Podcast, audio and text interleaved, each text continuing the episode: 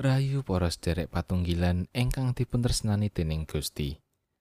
Kados pundi pawartos panjenengan sami ing dinten menika? Mugi-mugi kita sedaya tansah ing kawontenan ingkang rahayu lan benerkan dening Gusti Allah Rama kita.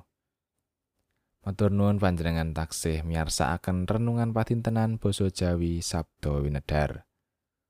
Sak menika kita sampun lumebet ing wulan Desember. Ingkang kita pengeti minangka mangsa Advent, kita mapakaken wiyosipun Gusti Yesus ing jagat menika. Sumangga kita unjukaken pandonga mirunggan kita langkung rumiyin. Gusti Allah tu ing berkah saben ari. Sesarengan kalian para kagungan paduka ing saindenging jagat mirunggan pasamuan Gereja Kristen Jawi lan mitraning saben ari marsudi ati. Kepareng kawula sowan lan ngaturaken sedaya pamuji syukur. Dene paduka tansah nganti lan ngluberaken berkah wonten ing sauruting gesang. Kawula ugi ngaturaken pakaryan lan sedaya kawontenaning gesang kawula.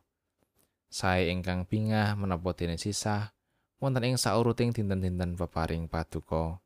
Kunjuk namung wonten ing ngarsa paduka Sesarengan kalian pasamuan paduka gereja-gereja Kristen Jawi, kawula unjukaken tekating sedya mujudaken patunggilaning gesang minangka kulawarganing Allah ingkang gesang lan makarya sesarengan ing satengahing jagat.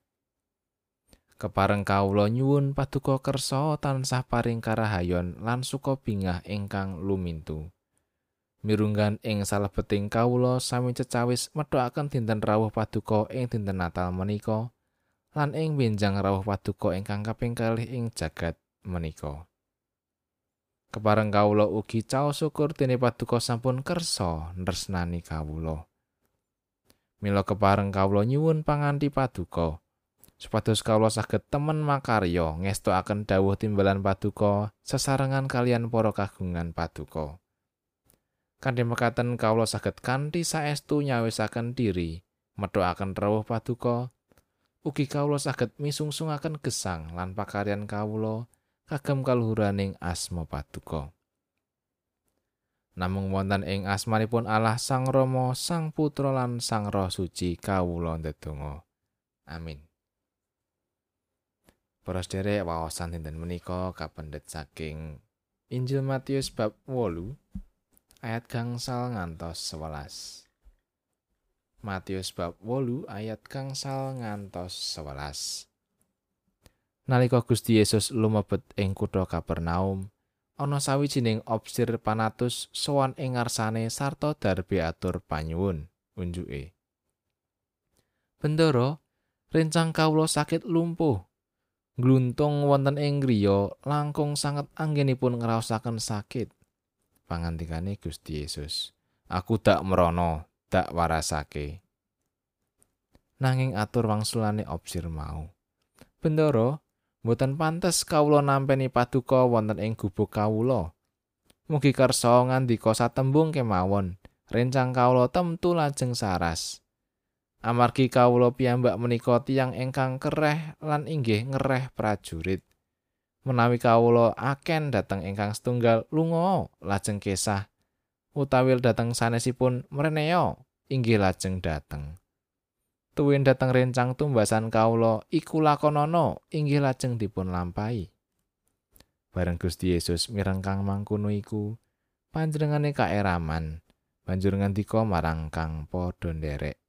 Satemene pitulurku marang kowe Pangandel kang semene gedene iki aku turung tau tumon ana ing satengahing bangsa Israel.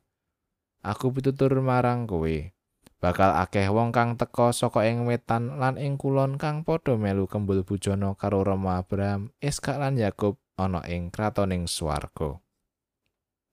Mangkatan pangantikanipun Gusti, ayat nat singgih menika ayat 6. Bendoro, rencang kawula sakit lumpuh, gluntung wonten ing griya. Langkung sanget anggenipun ngraosaken sakit. Renungan dinten menika kaparingan jejer pangarsa ingkang gemati. Kacerios ing setunggaling dusun wonten lurah ingkang gemati sanget kalian warganipun. Saben-saben Pak Lurah mesti tindak dateng pategalan utawi saben ing dusunipun. Saperlu manggi warga masyarakat ingkang sami nggarap Tegal lan Sabin. Menawi sampun mekaten para warga rumaos mongkok. Temah saged nglairaken ingkang dados pangunek-unekipun menapa ingkang dados kabetahan. So sakathahing pamanggih utawi pamrayogi dhateng Pak Lurah. Mbok bilih menapa ingkang dipun lampahi Pak Lurah menika ing wekdal samangke saged dipun wastani blusukan. Menika dados salah setunggaling patrap cara ingkang dipun lampahi dening para pangarsa saperlu pepanggihan ningali piyambak kawontenan saha migatosaken menapa sejatosipun kabetahaning warga ing wewengkonipun. Maosan kita ing wanci menika ugi nyariosaken bab observanatus utawi pangarsa saking Kapernaum ingkang gemati lan migatosaken abdinipun. Awit saking gematinipun piyambakipun ngantos purun sowan piyambak ing ngarsanipun Gusti Yesus. So nyuwun kanthi adreng supados Gusti Yesus kersa ngandika satembung kemawon supados abdinipun ingkang saweg sakit saged saras.